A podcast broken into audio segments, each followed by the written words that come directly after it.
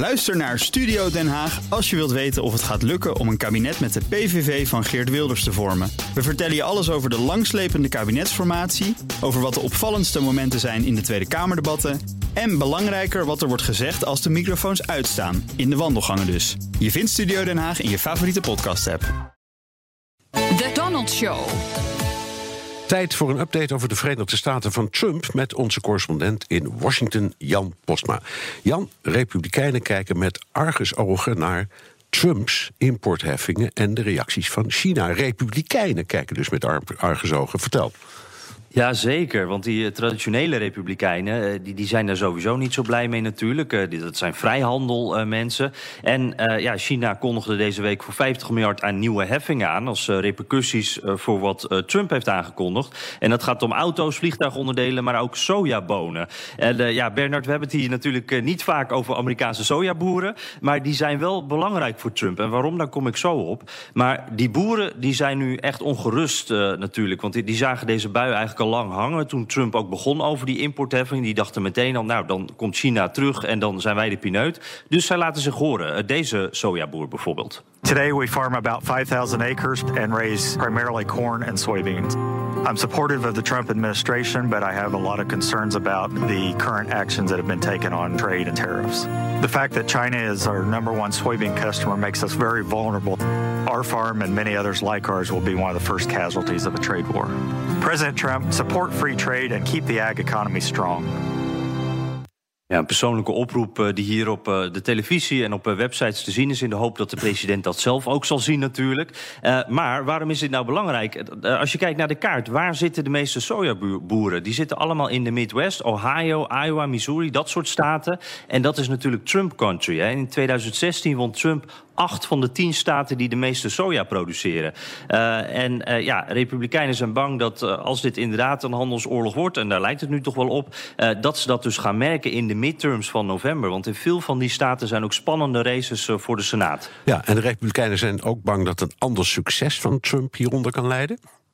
Ja, uh, die belastinghervormingen, dat, dat moest het belangrijkste, of ja, nog steeds eigenlijk het belangrijkste punt van, de, van die midterms worden voor de Republikeinen. Hè. Wij doen tenminste wat voor de economie. En de Democraten die hadden eigenlijk nog steeds niet echt een goede tegenboodschap. Maar uh, als dit nu inderdaad uh, misgaat, dan ja, krijgen ze eigenlijk een onderwerp zo in de schoot geworpen. Want dan kunnen ze gewoon Trump gaan aanvallen op het risico dat hij heeft genomen. En daar wordt zijn partij natuurlijk wel erg onrustig van. Nee, maar Trump is een handig schaker, zal ik maar zeggen. En niet echt zo gebonden aan die Republikeinen. Dus hij lonkt ook naar de Democraten, toch? Ja, zeker. Dat, dat is ook wel interessant om te zien hoor. Uh, uh, want verschillende democraten die vinden dit ook wel een goed idee. Uh, Elizabeth Warren bijvoorbeeld, die is heel positief over heffingen. toch wel opvallend. Dit is misschien wel Trumps bekendste tegenstander in de Senaat. Maar die zit gewoon op één lijn met de president op dit punt. En ook wel interessant in Ohio. Daar zit een senator Sherrod Brown, dat is een democraat, die wil herkozen worden. En hij kiest eigenlijk helemaal de kant van Trump op dit punt. Dus hij zegt campagne aan het voeren op het punt van tegen NAFTA, tegen handelsverdragen dragen en voor een agressiever beleid zoals Trump dat nu voert. Uh, dus daar vindt hij wat medestanders. Dus dat, dat is fijn voor Trump. En dat, dat zou ook in het geval, als dit niet goed af zou lopen... dan uh, ja, kan dat een beetje ook eh, de pijn wat verzachten. Gedeelde smart, halve smart.